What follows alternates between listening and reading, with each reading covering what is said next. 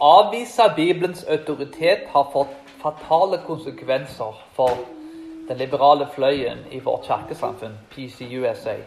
I 1965 så hadde de 4,25 millioner medlemmer. Det er nesten 4,3 millioner medlemmer. Og i 2012 så hadde de 1,84.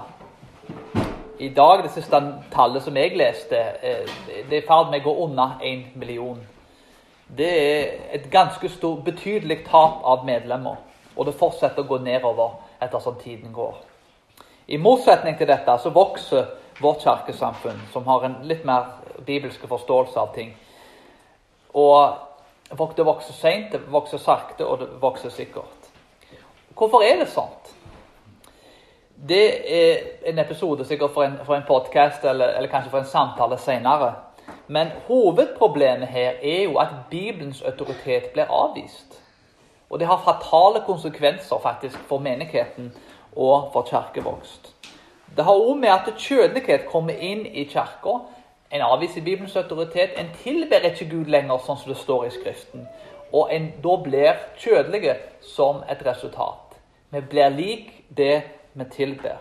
En blir som korinterne. En blir kjødelige. Og dette leder da eventuelt til splittelse da i kirkesamfunnet. Dagens tekst handler om å løse dette problemet med splittelse og kjekling internt i menigheten. Korinterne var et uheldig folk i en uheldig by. Og i kirka så hadde en del mer uheldighet egentlig enn hva jeg burde ha. På mange måter er dette oppmuntrende.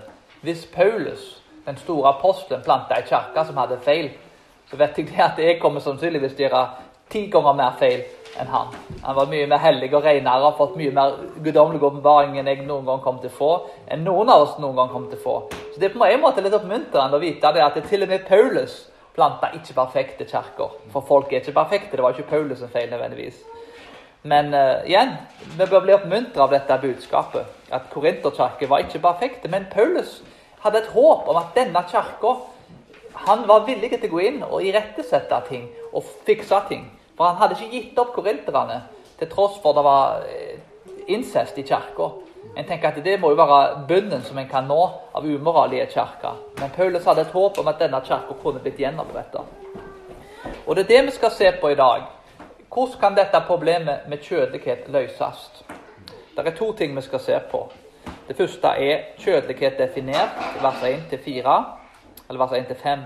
Og så har du løsningen for å ordne opp i ei kjødelig kirke, som er vers 6-9. Og De to tingene vil være med å påpeke en viktig sannhet, og det er at Gud er den som gir vokst til kirka. Det er Gud som gir vokst til kirka. Kjødelighet definert. La oss begynne med den første tingen først. I vers 1 Paulus refererer til korinterne som brødre, og som, ikke som et åndelig folk, men som små barn i Kristus. Og Det er noe med dette at Paulus virker til å være litt skuffa. Det er sånne referanser i, i, i denne kulturen at uh, forfattere henviste da med at uh, du starta med basics, og du var babyer da, i kunnskapen. Paulus virker til å bruke et bildespråk der han er som en mor som ga barna sine mat som de skulle vokse på. Dette er åpenbart et bildespråk. Problemet var da at folk begynner på melk, men de fortsetter på melk. Veksten og utviklingen deres hadde stoppet opp. Det var problemet som Paulus utfordra her. De skulle ha kommet mer. De skulle ha vært mer hellige, men utviklingen stoppet opp. Hvorfor? Fordi de praktiserte ikke det de trodde. De trodde noe, men praksisen ble ikke etterfulgt av handlinga. Paulus påpeker at de er ikke av åndens folk, men de er kjødelige. De er av Gud, og de er blitt frelst, men de lever da på en kjødelig måte. Folk som de tenker da som folk som ikke har ånden. De tenker på menneskelig vis, til tross for de har fått ånden. De har ånden som de fikk i frelsen, men lever ikke i henhold til Guds rike. da, Og de lever ikke ut det livet som de har i ånden. Det er svært viktig å forstå her at ordet 'kjød' på gresk er et ord som ofte brukes, som er ufattelig misforstått. Og jeg har hørt veldig mye løgne jeg har sett vranglærer om, om hva kjød betyr. Kjød kan bety kropp, menneskelig, folk og syndige natur. Så det er en henvisning avhengig av konteksten. Du må tolke det i konteksten sin. Sokrates, når han drakk giften, han ble tvunget til å drukke gift, for han utfordra ungdommen på sin tid. og fikk kjeft av dette av ledelsen og ble tvunget til å drikke en kopp med gift. Så på det som en frigjørelse. Endelig så kan dette ånden min Ånden min kan bli frigjort fra kroppen min. Det blir som et glass vann. Vannet blir tømt ut av kroppen. Kroppen da er en tomt skall der ånden og vannet blir tømt ut. Dette er en gresk dualistisk forståelse av at kjød er ondt, ånden er god. Dette er ikke en bibelsk forståelse av ting. Og Når vi hører ordet kjød, så tenker vi at kjød er ondt. I middelalderen, og til og med hos Augustin, så kan vi se mye av disse tankene. Sølibatet. Det er mer hellig å være i sølibat og tjene Gud 100% av tida. Prest, misjonær, munk, da er du en av de topphellige folkene. Mens alle vanlige folkene da ikke så hellige. Reformasjonen var mer gjenoppretta en bibelsk forståelse og en jødisk forståelse av ting her. Så dette med kjød, da, er altså kjødet er ikke ondt. Gud skapte kroppen vår, han skapte kjødet vårt. Men det er jo da visse handlinger i kjødet da, som kan være syndige og i strid med Guds vilje. Vi må altså tilbake til en bibelsk tenkning her. Og vi må ikke automatisk tenke sånn at ja, det åndelige er det som er godt, og kjødet er ondt. Jesus skal reise opp kroppen vår i framtida. Kroppen vil bli oppreist fra det døde. Og Jesus oppsto altså ikke åndelig fra det døde, men legemelig fra det døde. Så la oss avvise den feilaktige forståelsen der og tenke at alt med kjødet er ondt. For det er mange gode ting med kroppen vår. Han kan brukes til gode og onde ting. Men la oss gå bak, tilbake til en, en jødisk forståelse av ting der, og ikke tenke gresk i denne forstanden. Det er altså ikke snakk her om å, å, å være kjødelig i, i, den forstand at kjødet er ondt, men å tenke menneskelig, og ikke i henhold til korsets visdom og kraft.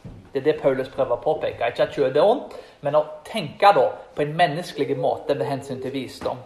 Guds rike er ikke av denne verden. Problemet her er ikke med budskapet, men at folk i Korint satte seg selv i en situasjon der de ikke hørte på hva Kristus hadde sagt gjennom apostlene sine. De hørte på menneskelige visdom og lære.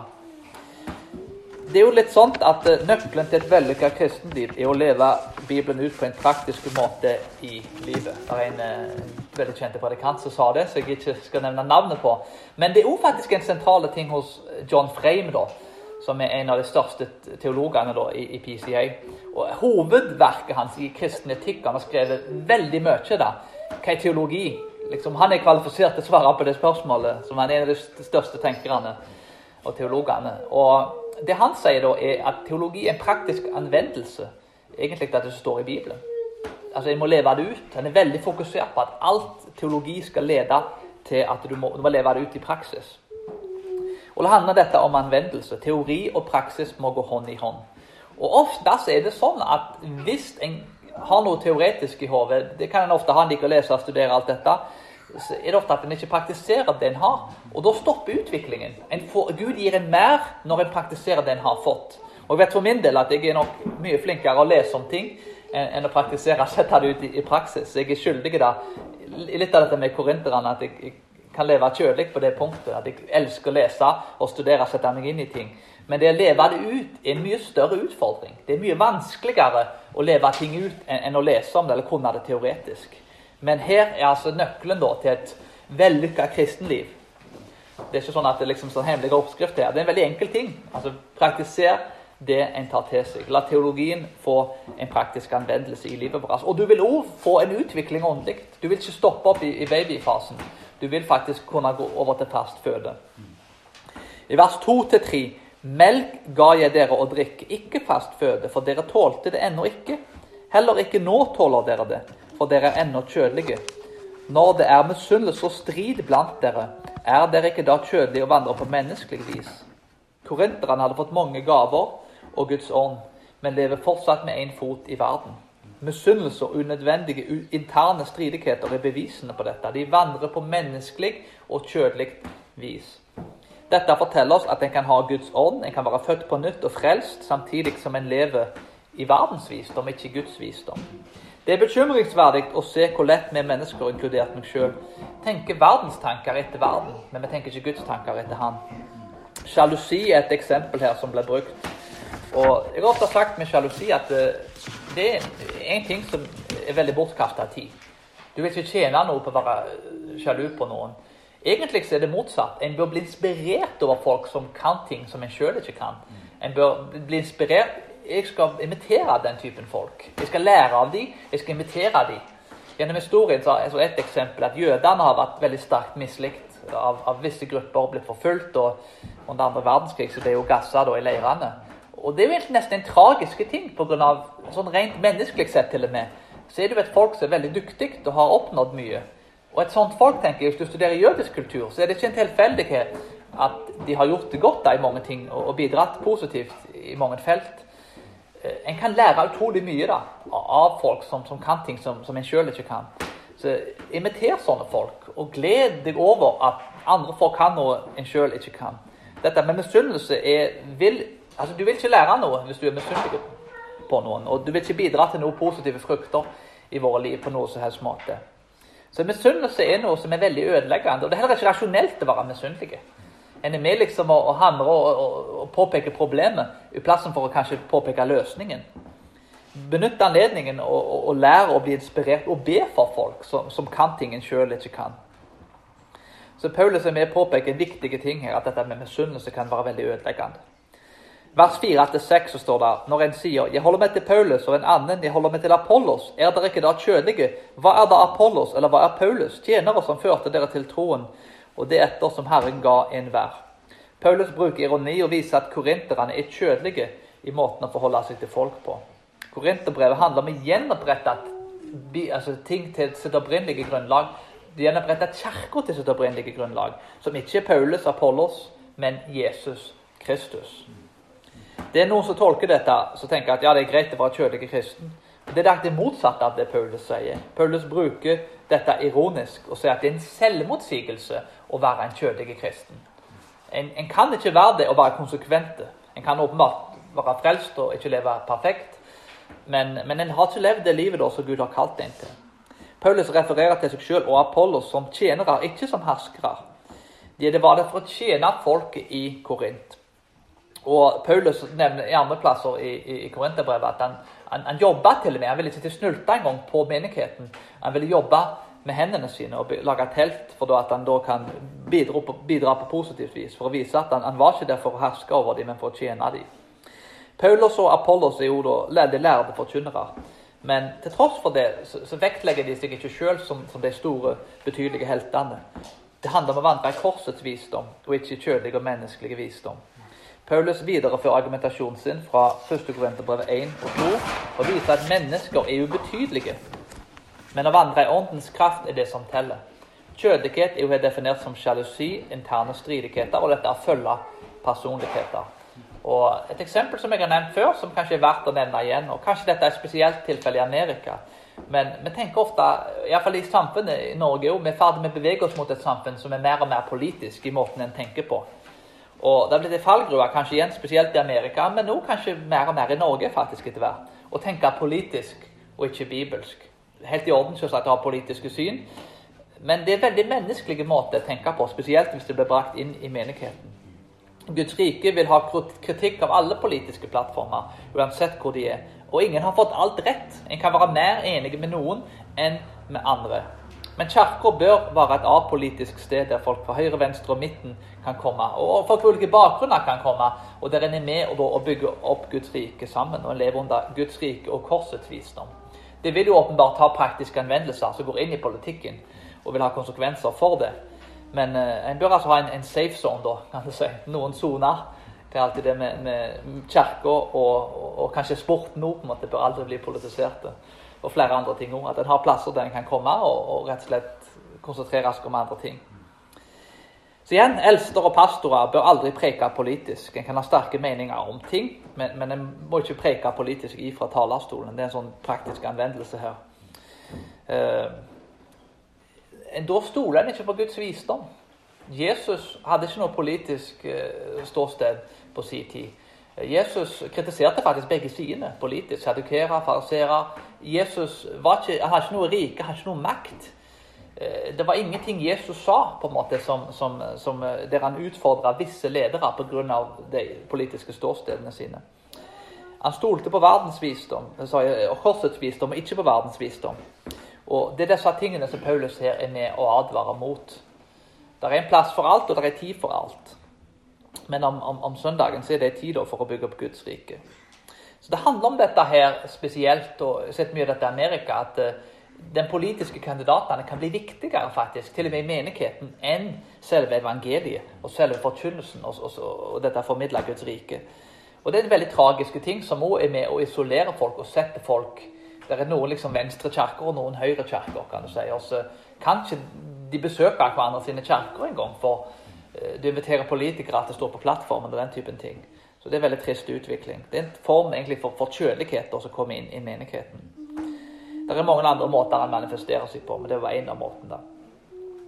Og løsningen her, da? Hva er løsningen på dette problemet? Hvordan kan vi løse dette problemet med kjødelighet? I vers 6-8 så står det Jeg plantet Apollos vannet, men Gud ga vekst. Derfor er det ikke noe, verken den som planter eller den som vanner, men bare Gud som gir vekst. Paulus var en pioner. Han satte kirker i gang begynte nye ting, overlate det til andre. Han sådde frø. Apollos var den som ble igjen i etterkant og vanna og tok vare på forsamlingen, kanskje i større grad. Disippel gjorde folk oppmuntra folk til å vokse i Kristus. Han hadde mer enn etablerte roller, til tross for han også reiste rundt om da, og forkynte og gjorde andre ting. Og Det var òg ei tjenerrolle. Grekerne og romerne hadde mer en rolle der du skulle herske over folk. Men dette var mer en tjenerrolle. Eh, det var ikke en hersker, men en tjener. Og vi vet fra antikken at dette var en tjener, altså, som ofte er oversatt som det var en slave. Er ikke en positiv ting, det er ikke kompliment. liksom. Jeg alltid sa det at eh, det var kun i kristne settinger det var, ble kalt en tjener var et kompliment. Du gikk inn i sekulære settinger 'Å, du er litt av en tjener', liksom. Det, folk kommer til å bli skikkelig fornærma hvis du sier det i de settingene. Eh, det er naturlige ting å tenke høyt om lederne sine, og det håper jeg alltid folk gjør. Men Det gjorde også korinterne. Men poenget her er at Paulus og Apollos var instrumenter i Guds hender som ble brukt for å bygge opp Guds rike. Og det var Gud alene som var ansvarlige for voksen. Det er ikke jeg og det er ikke noen andre her som får ting til å vokse. Det er det kun Gud som gjør. Og i, Vi flytta til Norge i 2008 og begynte å plante menigheter. og En som ble planta i Stavanger. og Vi har jo kommet her i lag med, med flere av dere og planta en menighet her. Og det kom en menighet opp nå i Oslo, og det var en menighet som ble planta sør i Stavanger. Så ikke vi var med på teknisk sett, men, uh, men det var mange menigheter som ble planta på ganske kort tid. Og for min del, jeg, jeg har ikke bidratt egentlig noe annet enn å bare stilt meg villig da, og vært med på det. Men det er Gud som har gitt voks til disse tingene. Jeg hadde ikke sett for meg at så, at så mange menigheter kunne bli planta på så kort tid. Nå vet jeg ikke hva framtiden byr på, men det er jo Gud som har gått foran en og gjort dette verket. Og Mange har spurt hva, er hemmeligheten, hva er suksessen. Og Egentlig så er det ikke noen suksessformel. Det er Guds ord, det er bønn og sakrament. Og hvis det er én ting som jeg vil si er hemmeligheten, så er det faktisk det å be om at Gud skal gi vekst til menigheten. Altså en bønn, en enkel bønn foran Gud og si Gud, kan du gi vokst til menigheten? Kan du legge til folk til menigheten? Det er liksom suksessformelen. Det er ikke lyskasterne, det er ikke røykmaskinen, det er ikke liksom et fotballstadion med 40 000 folk og skikkelig kule, bra teknikker for å få folk inn. Det kan godt være at en hadde fått flere folk til menigheten hadde han gjort det. da. Men jeg er overbevist om at det er Gud som gir vekst. Et sånt eksempel på dette er da eh, Labri, eh, som Svenske Schaefer var med å opprette. Og en av teknikkene deres var det De spør ikke til penger eller noen ting. Hvis pengene går tomt, så er det et hint at ja, Gud sier 'legg ned bransjen', legg ned hele greia. De, alle trenger ikke drive det sånn. Det er helt i orden at noen spør etter penger. Men, men, de har bestemt seg da for, i hvert fall i England, der jeg var, at uh, den dagen pengene ikke kommer inn, og ting ikke funker, så kanskje Gud heller vil investere midlene og pengene til andre plasser og andre prosjekter. Kanskje de har gjort den oppgaven de skulle gjøre. Og til den dag i dag så er det en veldig suksessfull modell, da, og det, det lever i sitt beste velgående og vokser rundt omkring i verden. Men det er den modellen der, og, og ja, Gud vil gi vekst til de tingene han vil gi vekst til. Og jeg må heller ikke bli pessimistiske og negative om, om, ting ikke fungerer. For det kan bety at eh, Gud hadde en mening med det òg, og Gud ville kanskje at noe annet skulle vokse frem ut av det. Guds veier er uransakelige. Han er suverene. Og han gjør ting på måter som vi ikke alltid kan forstå. Og Det er kanskje til og med når en feiler stort, at, at Gud bruker deg aller mest til å være med og reise opp noe større i framtida. Så Vi må bli oppmuntret av disse tingene og vite at det er Gud som gir vekst til ting. Det er Gud som løfter opp, det er Gud som river ned. Og han har kontroll på alle ting, til tross for at det ikke alltid kan se sånn ut fra vårt menneskelige begrensa perspektiv. Vers 8-9. Den som planter, den som vanner, er ett, for vi er Guds medarbeidere. Dere er Guds åkerland, Guds bygning. Paulus og Apollos jobber sammen for å bygge opp Guds rike. Det er ikke en konkurranse, men et felles mål der de jobber sammen. Det viktigste er at Gud gir vokst, og en bygger menigheten sammen med instrumenter i Guds hender som han bruker. Gud er ansvarlig for voksten, og vi kan ikke stole på Guds tjenere, pastorer eller noen andre, men vi kan stole på Gud i disse tingene.